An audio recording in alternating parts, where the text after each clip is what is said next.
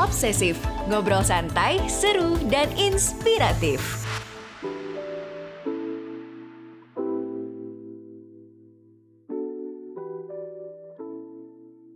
Halo teman obsesif, jumpa lagi kita di episode terbaru Obsesif. Di episode kali ini, kita bakal ngobrol bareng Norman Yanuar tentang bagaimana menjadi project manager yang efektif sehingga dapat menjalankan misinya dengan sukses. Siapa sih Norman Yanuar? Norman Yanuar merupakan Vice President PT Saratoga Investama Sedaya Tbk yang berpengalaman lebih dari 14 tahun dalam menerjemahkan strategi menjadi eksekusi di berbagai industri.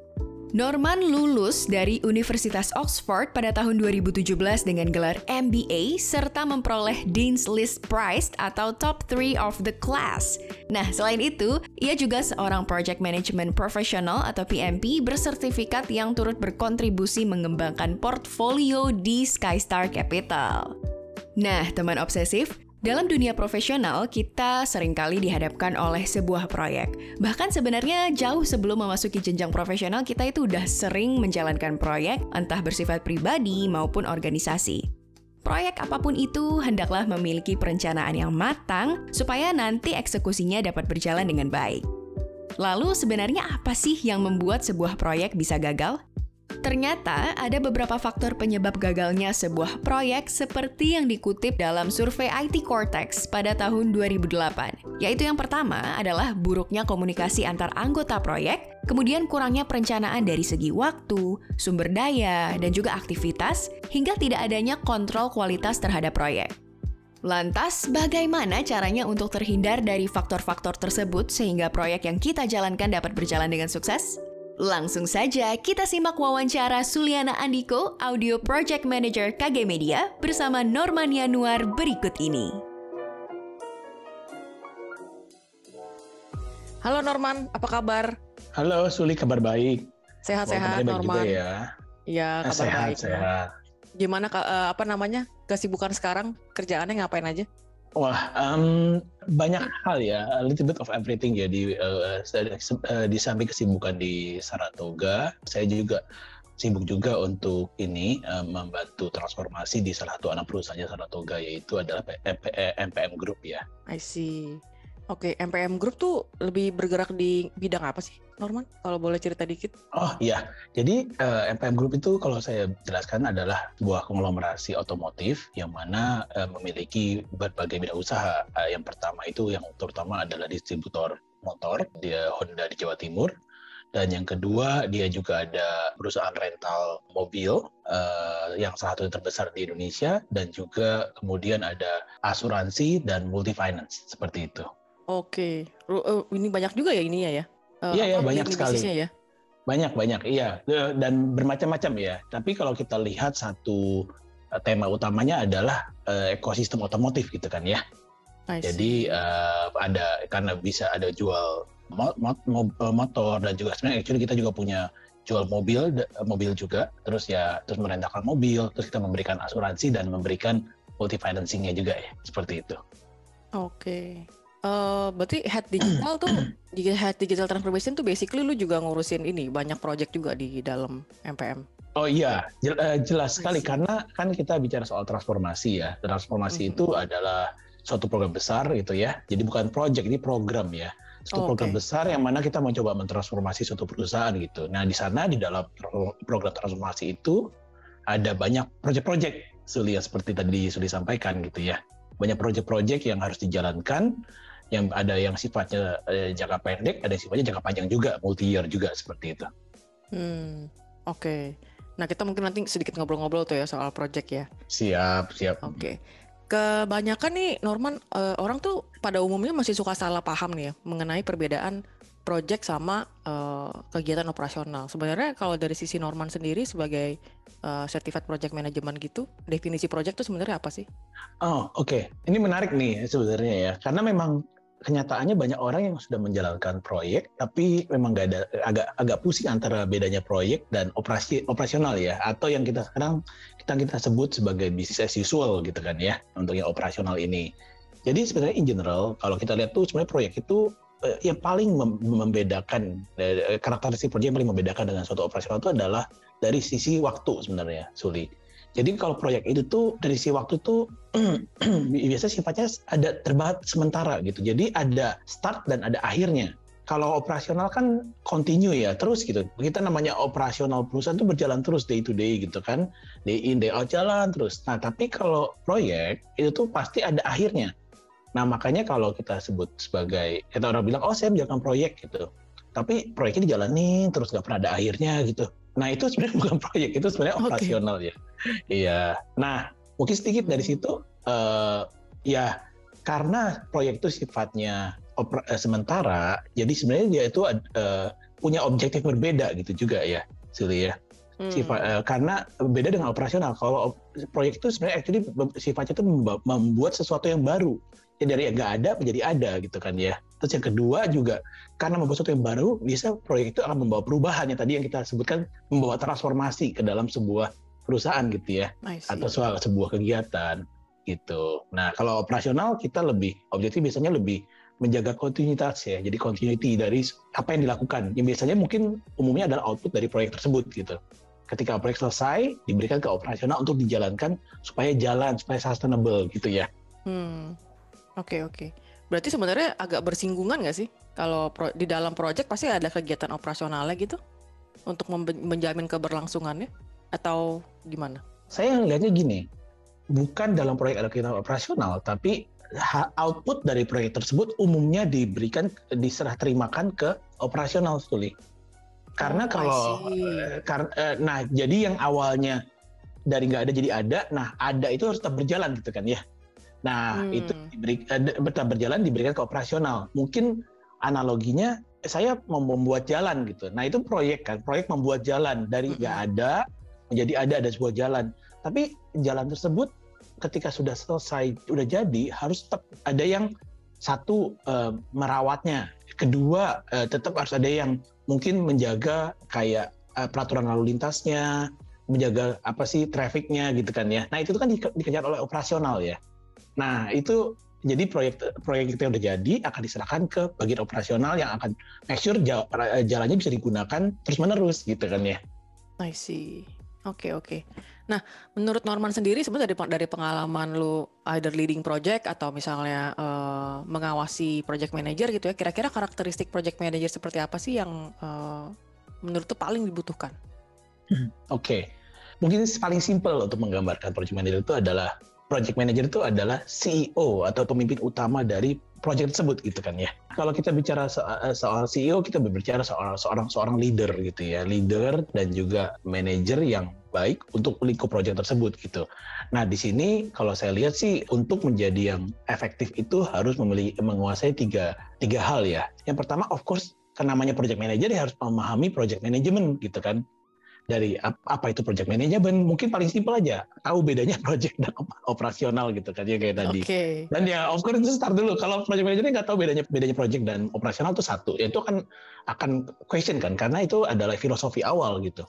Nah, kemudian basic project management kayak fase-fase proyek ya dari namanya inisiasi, perencanaan, eksekusi, terus kemudian ada uh, controlling, ada monitoring dan sampai closure gitu ya. Itu satu itu skill project management. Kedua adalah pemahaman terkait pekerjaan yang dilakukan oleh project itu.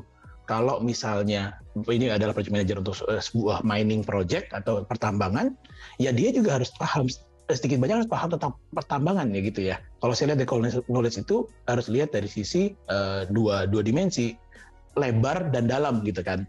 Nah, eh, ada yang jago banget satu satu area aja dari tambangnya misalnya bagian penggalian gitu ya atau lebih lebih paham pertambangan itu ada dari sisi geologinya, sisi penambangannya, penggaliannya dan sisi lain-lain lah ya. Nah itu mungkin kalau saya sarankan akan lebih paham kalau yang lebih pahamnya secara lebarnya gitu ya. Jadi paham sedikit of a little bit of everything gitu.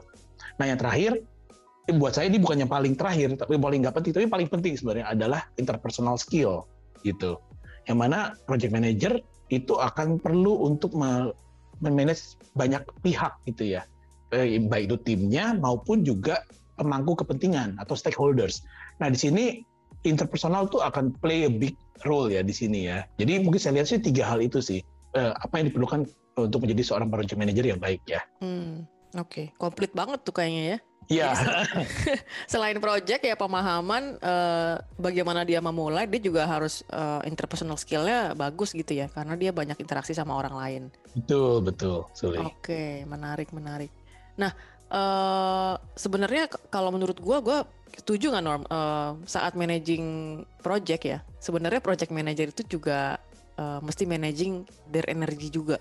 Nah, Oh, yes, tuh pernah ada pengalaman nggak soal ngerasa overwhelm atau saat lu ngerasa banyak hal yang nggak bisa lu kontrol gitu-gitu dan mempengaruhi energi lu gitu? Do you have any experience on that? Oh yes, yes ya. I think mungkin first of all itu suatu hal poin yang ba- ba- ba- bagus sekali ya, uh, Suli ya bahwa uh, uh, seorang manager harus bisa mampu untuk memanage uh, energi sendiri gitu kan ya. Itu ada uh, yang saya bilang itu ya uh, harus punya kemampuan soft skill-nya sendiri juga yang terkait di area untuk memanage diri sendiri. Leader harus mampu sebelum memanage orang lain harus bisa memanage diri sendiri kan ya. Itu Ya, itu betul. prinsip- konsep awal gitu. Nah, kalau saya lihat eh, yang pasti mungkin ini ya pengalaman saya sendiri eh, yang dalam eh, memanage ini banyak sekali lah Suli ya kalau saya bilang ya. Dan mungkin salah satu contohnya adalah ketika saya memanage eh, pengiriman medical supplies dari China ke Indonesia waktu kondisi COVID tahun lalu. nah itu benar-benar itu memang sangat stressful karena kondisinya kita eh, kebutuhan medical supply sangat diperlukan di Indonesia. Nah, namun eh, di saat yang sama regulasinya lagi sulit-sulitnya gitu kan ya. Di Hmm, China betul, sendiri eh, di China sendiri lagi melarang pengiriman medical supplies ke kelu- keluar ke Indonesia. Tapi di saat yang sama saya sebagai project manager saya di push sama stakeholder ini untuk cepat kirim kirim eh, kirim karena kita sangat perlu diperlukan. Memang saya sendiri paham eh, urgensinya. Nah di situ wah stres sekali ya. Tapi ya again gimana sih memanage diri sendiri, memanage eh, diri kita sendiri ya.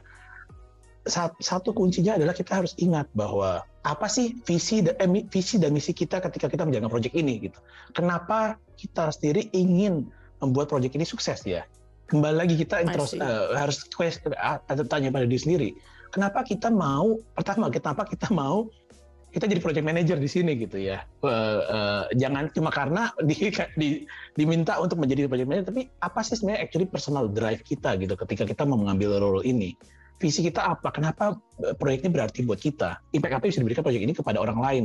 Nah di situ otomatis ketika kita bisa sadar mengingatkan diri kita sendiri, kita clear dengan itu dan kita mengingatkan diri sendiri tentang itu, akhirnya kita bisa muncul sendiri energinya ya, Suli ya, untuk Hmm, bisa I see. menjalankan itu. Uh, itu sih saya rasa bisa harus bisa mampu memanage energi. Of course, on top of that ya kita harus bisa memprioritaskan, mendelegasikan suatu pekerjaan sehingga kita juga nggak overwhelm ya. Itu lebih ke manajemen Mm-mm. teknik lah ya. Ya, Tapi ya. I think start lagi dari apa sih visi dan misi kita sebagai project manager gitu. Saya, saya lihat seperti itu. Oke, good, good, nice. Oke, kita masuk ke project life cycle ya. Saat mulai sebuah project kan eh, Norman sering bilang eh, di kelas-kelas sebelumnya gitu ya, eh, kan mesti ada planning inisiasi dulu gitu ya, sebelum kita langsung eksekusi gitu ya, langsung bikin action plan-nya seperti apa gitu. Nah biasanya tuh proses ini yang justru sering terlewat gitu. Sebenarnya apa sih Norman mungkin bisa cerita dikit ya di inisiasi project itu sebenarnya apa aja sih yang perlu ada? Ah, oke oke. Iya ya, inisiasi ya. Mungkin eh, eh, mungkin eh, inisiasi itu agak tentunya mungkin agak nggak umum ya untuk orang ya eh, untuk dengar Eh, yang Oke. orang tahu kan perencanaan gitu kan ya Suli Iya ya. iya betul betul. Terus rencana buat perencanaan eksekusi gitu kan itu standar Heeh. banget ya. Iya iya. Nah, sebenarnya tuh inisiasi tuh simple in the simple terms itu adalah kita memahami dulu masalahnya gitu. Ka- Oke. Kita harus memahami masalah dan objektifnya dalam menjalankan suatu project. Itu yang kadang-kadang orang lupa, orang langsung jump into creating plan terus eksekusi. Nah, nanti ketika sampai di level ketika eksekusi ketemu stumbling block baru mikir, terus mereka pusing eh, solve gimana? Mereka sendiri tanya, kita tuh ngapain sih tujuannya gitu kan? Nah, karena nggak clear dengan proses ini inisiasi atau eh, defining the problem dulu gitu, Suli. Jadi biasanya kita harus start dulu dengan defining a problem, understanding why we want to do this gitu, why-nya gitu ya. Jadi why-nya apa? Eh, apa masalahnya apa? Kenapa masalah ini penting dipecahkan dan dan kira-kira apa sih yang outputnya yang kita harapkan ketika masalah ini dipecahkan gitu kan ya itu why-nya ya. I Sorry see. ya. Oke. Harapannya by the- kalau kita kita udah menganalisa lebih jauh, ketemu tuh, oh potensi solusinya tuh adalah ini gitu kan. Seperti itu kan. Dan itu clear dulu tuh why, terus kemudian kita clear juga what-nya gitu kan. Itu inisiasi kalau saya bilang what-nya. Nah, biasanya semua tuh ditampilkan di project ini ya di project charter istilahnya ya mungkin ya. Hmm. Atau kalau istilahnya paling simpel sih itu tuh kayak simple problem statement lah gitu. Dari situ barusan kita lanjut ke fase perencanaan, Suli. Yang mana kalau fase perencanaan itu adalah kita bicara soal how-nya, kadang kita udah tahu what-nya nih, mau kita mau buat apa, mau melakukan solusi apa, dan kita berbicara soal how-nya nih, how gimana caranya, terus siapa dan kapan gitu. Hmm, I see, I see. Jadi ya, sebenarnya dibedah dulu awalnya gitu ya uh, semacam blueprint kali ya. Masalahnya tuh apa iya, iya. sih? Uh, Betul. Defining dulu seperti apa gitu dan kenapa kita jump into this solution gitu. Betul. Jadi kita harus clear dulu end state-nya itu seperti apa gitu. Objektifnya apa, outputnya apa, baru kita working backward gitu. How-nya, who-nya, when-nya gitu kan ya. Hmm. Jadi harus kita clear dulu. Dan yang paling pertama even bot itu kita harus bisa jawab why-nya. Kenapa kita mau ngelakuin ini? Yang mana karena kalau kita bisa clear dengan why-nya, kita sebagai project manager pun kita bisa jadi lebih yakin untuk make sure project ini sukses gitu kan ya. Uh, iya, iya. Uh, Suli ya. Uh, mm-hmm. Jadi start with why gitu. Okay. Uh, mungkin itu at the beginning pasti harus seperti itu. Iya, iya. Soalnya kadang-kadang kalau project itu ya, apalagi kalau misalnya dalam korporasi gitu, pasti pemikirannya tuh simple gitu. Oh revenue gue turun, lu naikin lah. Itu sebenarnya uh, kalau menurut Norman gimana? Itu kan something yang cukup quite often we heard in uh, corporation world ya. Intinya adalah yang diperhatikan tuh revenue turun gitu. Uh, angkanya turun. Terus itu itu kemudian menjadi motivasi uh, katakanlah korporasi gitu untuk memulai project yang sebenarnya end game-nya juga mereka nggak tahu gitu. Hmm. Do yeah, you iya, think yeah. what what do you think is uh, the uh, perception kayak begitu? Uh, saya, saya rasa sih nggak salah juga kalau memang problemnya adalah revenue turun kan ya. Yeah. Problem yang mau di solve tuh revenue turun. Mm -hmm. Kembali kita pakai tadi framework tadi ya. Oh why, why itu why-nya problemnya apa? Ya kita ada revenue-nya turun gitu. Mungkin uh, kalau dicari lebih dalam lagi itu profitabilitas kita misalnya ya. Terus jadi jadi revenue. Revenue kita ternyata turun gitu. Nah, berarti kan itu problem, tapi kita basically objektif utamanya itu adalah kita ingin menaikkan revenue itu gitu kan ya. Iya. Nah, kita membuat suatu proyek apakah entah itu bisnis baru atau proyek pengembangan uh, bisnis yang sekarang untuk supaya revenue naik gitu kan. Why? Why-nya ya karena itu. Mungkin kalau mau lebih dalam lagi, why keduanya adalah sebenarnya kenapa kita mau naikin revenue ya karena kita pengen perusahaan kita maju gitu kan. Kita pengen profitabilitasnya bagus. Mungkin karena apa? Karena kita mau memberikan uh, mau memberikan yang terbaik untuk shareholder dan juga untuk employee kita gitu kan ya misalnya ya. Seperti ya, itu. Jadi itu next level of why-nya. Jadi harus clear why-nya itu kenapa. Nah, barusan dari situ, oh solusinya adalah mungkin coba kita buat bisnis baru yuk gitu. Kita develop uh, corporate startup di dalam perusahaan kita, bisa gitu kan ya. Kita, kita buat start, project corporate startup A gitu kan misalnya. Nah itulah uh, ininya kan what-nya kan ya, uh, Suli ya. Nah dari situ kita barusan breakdown. Ah, uh, what ini yang merupakan hasil analisa yang dalam gitu, market study, terus uh, wawancara dan lain-lain keluarlah ini whatnya. Nah kita bikin kan, kita bikin how uh, how-nya, who-nya, and when-nya gitu kan ya. Ujung-ujung kita bikin bisnis plan kan ya Suli ya. Hmm. Kita bikin bisnis plan sampai kita buat proyek itu, proyek yang sampai dari nggak ada startup ini sampai tiba-tiba ada gitu. Gitu. Oke hmm. oke. Okay, okay.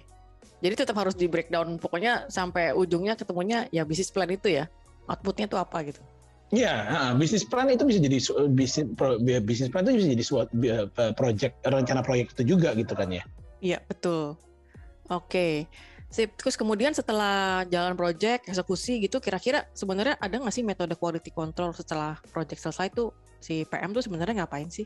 Iya, jadi metode quality control ya sampai project selesai ya. Mungkin sebelum menjawab itu saya akan uh, lihatnya seperti ini Suli quality control itu seharusnya tidak dilakukan ketika proyek selesai, really. Itu yang kadang-kadang orang kadang-kadang orang uh, sering uh, agak salah kaprah bahwa quality control itu terjadi di proyek selesai. Jadi sebenarnya proyek uh, quality control terjadi di setiap fase atau bahkan di setiap proses yang di, berjalan di di proyek tersebut gitu. Ketika eksekusi proyek, uh, Suli. Jadi itu adalah quality control. Yang pertama bahkan di perencanaan tuh ada namanya perencanaan kualitas kan ya gitu ya. Gimana kita melakukan quality control gitu. Dan yang kedua, setelah itu kita akan melaksanakan proses quality control yang mana saya tadi saya sampaikan itu terjadi itu ketika berjalan tuh ketika proses itu berjalan misalnya kita mau ini misalnya contohnya ya kita mau uh, auto project itu salah satu menciptakan uh, mungkin contohnya adalah misalnya kita mau buat ini deh konteksnya kita mau buat lima rumah gitu ya uh, Suli ya nggak berarti kalau kontrol dilakukan tuh ketika lima rumah itu udah terjadi ya Suli ya bahkan ketika misalnya bikin fondasi rumah pertama pun itu tuh udah di tes quality kontrolnya dulu dilihat apakah kualitas sesuai fondasinya Terus mungkin ketika rumah pertama terjadi itu udah langsung dicek juga kualitas kontrol eh, kontrol eh, kualitasnya juga gitu ya. Eh, rumah kedua, rumah ketiga, rumah keempat gitu. Walaupun yang satu berhasil, kedua belum belum sama, belum sama kualitasnya harus dicek lagi gitu. Kalau lihat ternyata oh nggak sesuai, kau beda kualitas dengan yang pertama, kita harus mulai ngecek lagi apa yang salah dengan prosesnya. Itu ya, Suli ya. Jadi sebenarnya quality control tuh ini ya terus-terusan ya. Terus menerus bahkan kalau di proses prosesnya berupa di manufacturing gitu ya. Misalnya mau bikin 10 komponen gitu untuk suatu suatu deliverables. Nah itu tuh di tiap satu komponen tuh akan di dicek terus tuh dengan dengan contohnya dengan ini ya dengan scatter plot misalnya gitu. Dilihat apakah mulai trennya mulai bergerak di luar di luar toleransi gitu kan kalau udah mulai mengarah ke uh, trennya udah mulai mengarah di luar toleransi nah itu mulai kita harus melakukan perbaikan gitu sebelum sampai terjadi of, uh, ini ya out of spec produk gitu kan ya uh, Suli ya gitu. Iya iya. Seperti itu. Banyak sih kok itunya teknik-teknik iya. untuk quality control, tapi yang pasti uh, uh, mungkin bottom line-nya adalah itu dilakukan terus-menerus sebenarnya selama eksekusi project, bukan ketika project itu selesai seperti itu. Oke, okay, good point. Oke, kita ngobrolin tadi sempat mention soal stakeholder ya. Sebenarnya kalau menurut pengalaman Norman sendiri, prinsip apa yang paling penting untuk ditanamkan saat menjaga relasi sama uh, para stakeholder Hmm, oke. Okay. Stakeholder. Banyak banget tuh ya.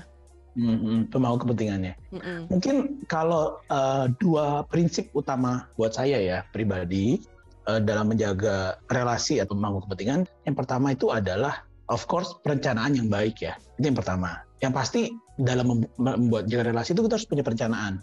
Kita pertama mungkin kita harus mengidentifikasi siapa aja stakeholdernya. Kita harus uh, buat long list stakeholder yang post yang merupakan bagi dari project ini itu pertama terus yang kedua kita harus mapping nih project uh, ininya apa stakeholdernya. Apa uh, di, uh, mungkin paling simpel kita lihat siapa yang support siapa yang enggak gitu kan ya. Level of support lah. Yang terus dimensi satu lagi itu adalah ini powernya mereka atau influence-nya mereka seperti apa Suri? Apakah mereka influential atau mereka enggak influential? Mereka punya otoritas atau enggak punya otoritas? Kenapa? Karena belum tentu pro, pro stakeholder yang support yang support kita itu memiliki power yang kuat. Begitu, juga belum tentu stakeholder yang tidak support kita memiliki power yang kuat juga gitu kan ya.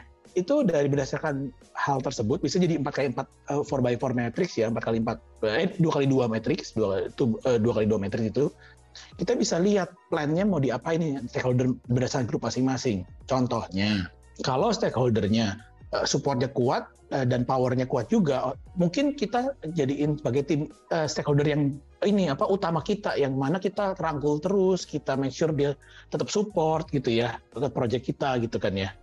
Uh, bahkan kalau bisa jadiin bagian yeah. dari steer, steer, steering committee kita, tim member kita gitu kan ya. Ada juga stakeholder yang nggak support tapi ke kemampuannya, powernya pun nggak nggak ada gitu kan ya, otoritasnya nggak ada.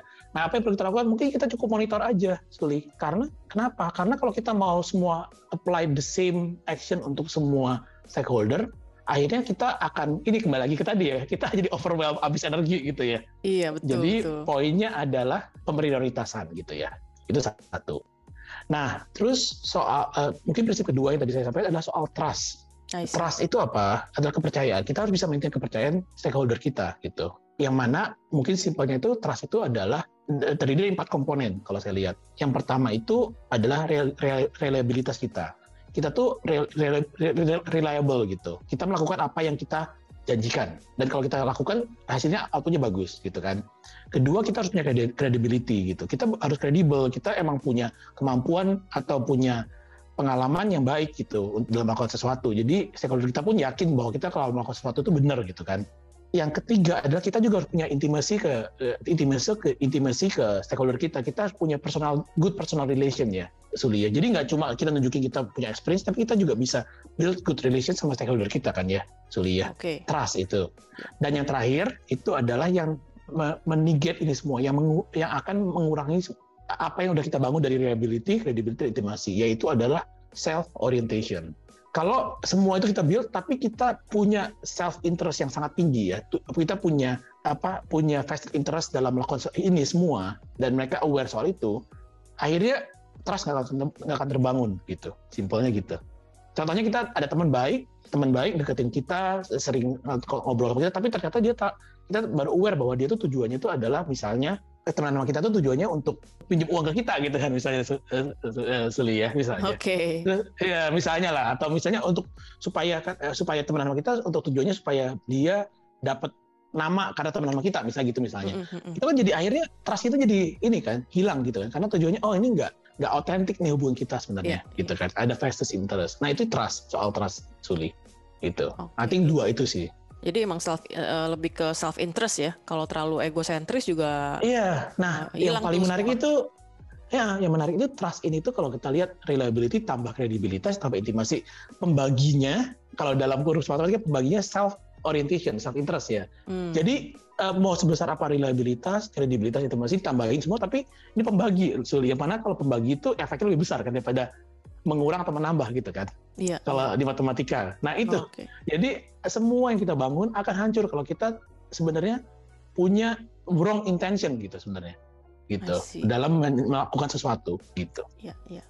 Wah, that's uh, such a wisdom ya itu ya.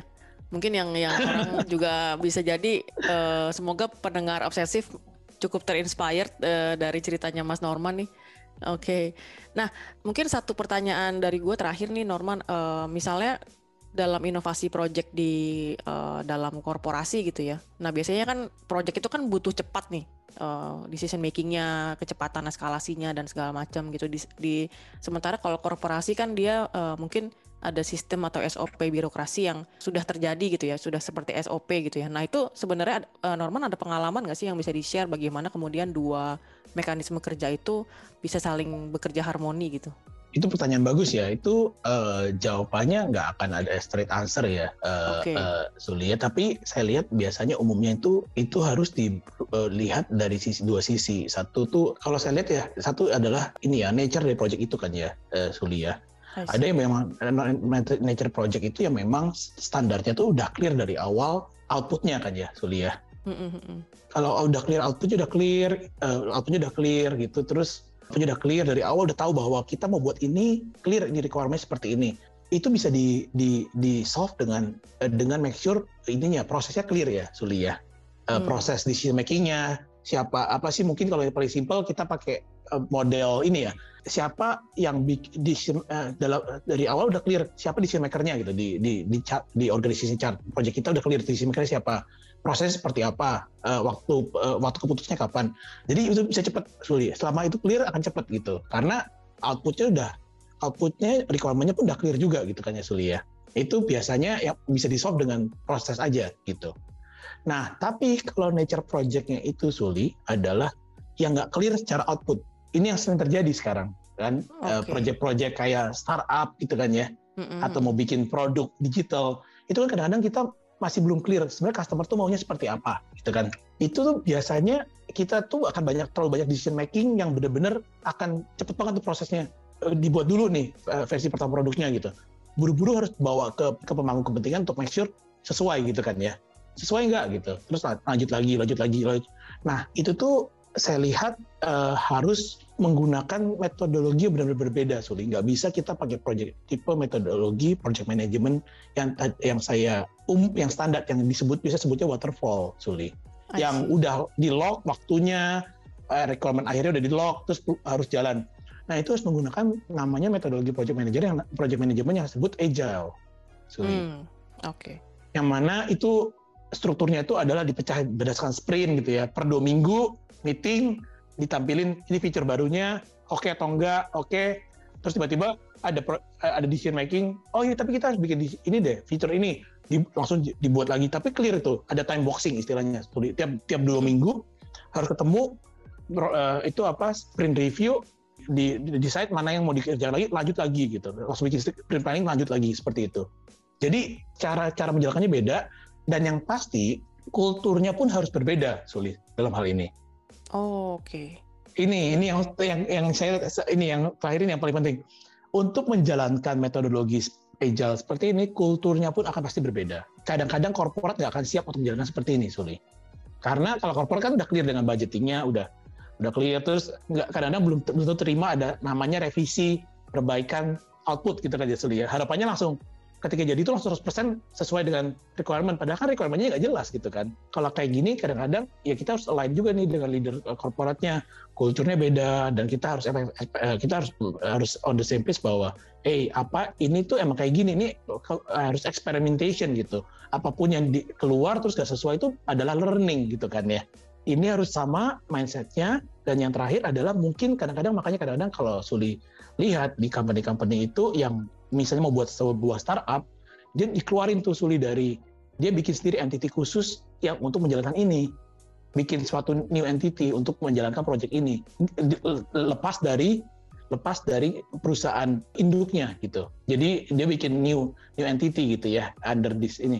Kenapa? Karena ya kulturnya pun mungkin harus bawa kultur berbeda, tim normsnya pun berbeda, terus cara kerja pun berbeda, Suli. Ya memang itu itu mungkin jawabannya. Jadi memang agak berbeda gitu dari metodologi dan kulturnya berbeda untuk kalau perlu yang ada decision making yang sangat cepat gitu. Okay. Seperti itu. Wah, interesting uh, insight tuh uh, Norman. Oke, okay, kita waktunya udah habis nih. Kayaknya udah cukup jelas, udah cukup panjang kita ngobrol soal project management. Mungkin uh, satu last message dari Norman ada yang mau dikasih disampaikan ke pendengar obsesif mungkin yang lagi jalanin project nih. Kalau kita ingin menjadi project manager yang baik, kita harus start dengan diri kita sendiri, Suli kita harus memiliki self disiplin, mindset yang tepat juga eh, dalam menjalankan proyek ini gitu. Dari situ itu akan bisa ngerediate dari diri kita sehingga tim dan juga stakeholder pun akan bisa follow apa yang kita lakukan gitu. Yang mana prinsip namanya leader tuh leading by example gitu kan ya. Be a good manager for yourself gitu. That's the first one. Okay. And second, secondly, uh, kita harus menjadi komunikator yang baik kita harus mengkomunikasikan pesan-pesan bahkan visi misi kita sendiri itu ke gak cuma ke tim kita tapi ke semua stakeholder kan gimana caranya ya kita harus belajar gimana mencapai sesuatu dengan eh, singkat padat dan jelas terstruktur gitu ya dan yang terakhir sebagai seorang project manager kita harus memaintain namanya growth mindset yang mana adalah kita harus continuously belajar sesuatu Yeah. Sekarang kan project management shifting sekarang membangun produk gitu ya. Yang mana produk itu adalah customer centric, jadi ya itu kita harus tetap kondisi belajar nggak bisa namanya namanya kita stop dengan oh kita saya udah ngerti soal project management eh, yang sekarang karena selalu berubah dan berevolusi ilmunya yang beradaptasi sesuai perkembangan zaman ya Suri ya ya jadi akhirnya kita bisa mengaplikasikan metodologi yang tepat untuk masalah yang tepat gitu kan eh masalah eh, di konteks yang sesuai gitu ya Suli ya Jangan kita bangun jembatan pakai ejal, itu akan sulit. Nanti jembatannya berubah-ubah terus. Liuk-liuk jembatan nanti. Iya, Gak jadi-jadi gitu ya. Gitu Oke. Okay. Thank you banget nih Norman, insight-nya banyak banget dari uh, cerita-cerita pengalaman pribadi lo. Semoga teman-teman obsesif bisa mengambil banyak pelajaran dari konten podcast ini.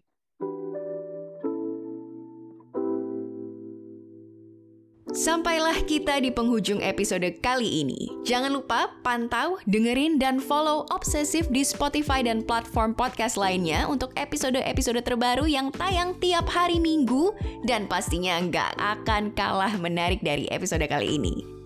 So, it's a wrap for this week's episode. I'm Ellen Bellian as your host and producer, Jihan Aulia Zahra dan Muhammad Kanzia as scriptwriter, Suliana Andiko as executive producer, and Dava Wahyu Utomo as audio editor pamit undur diri.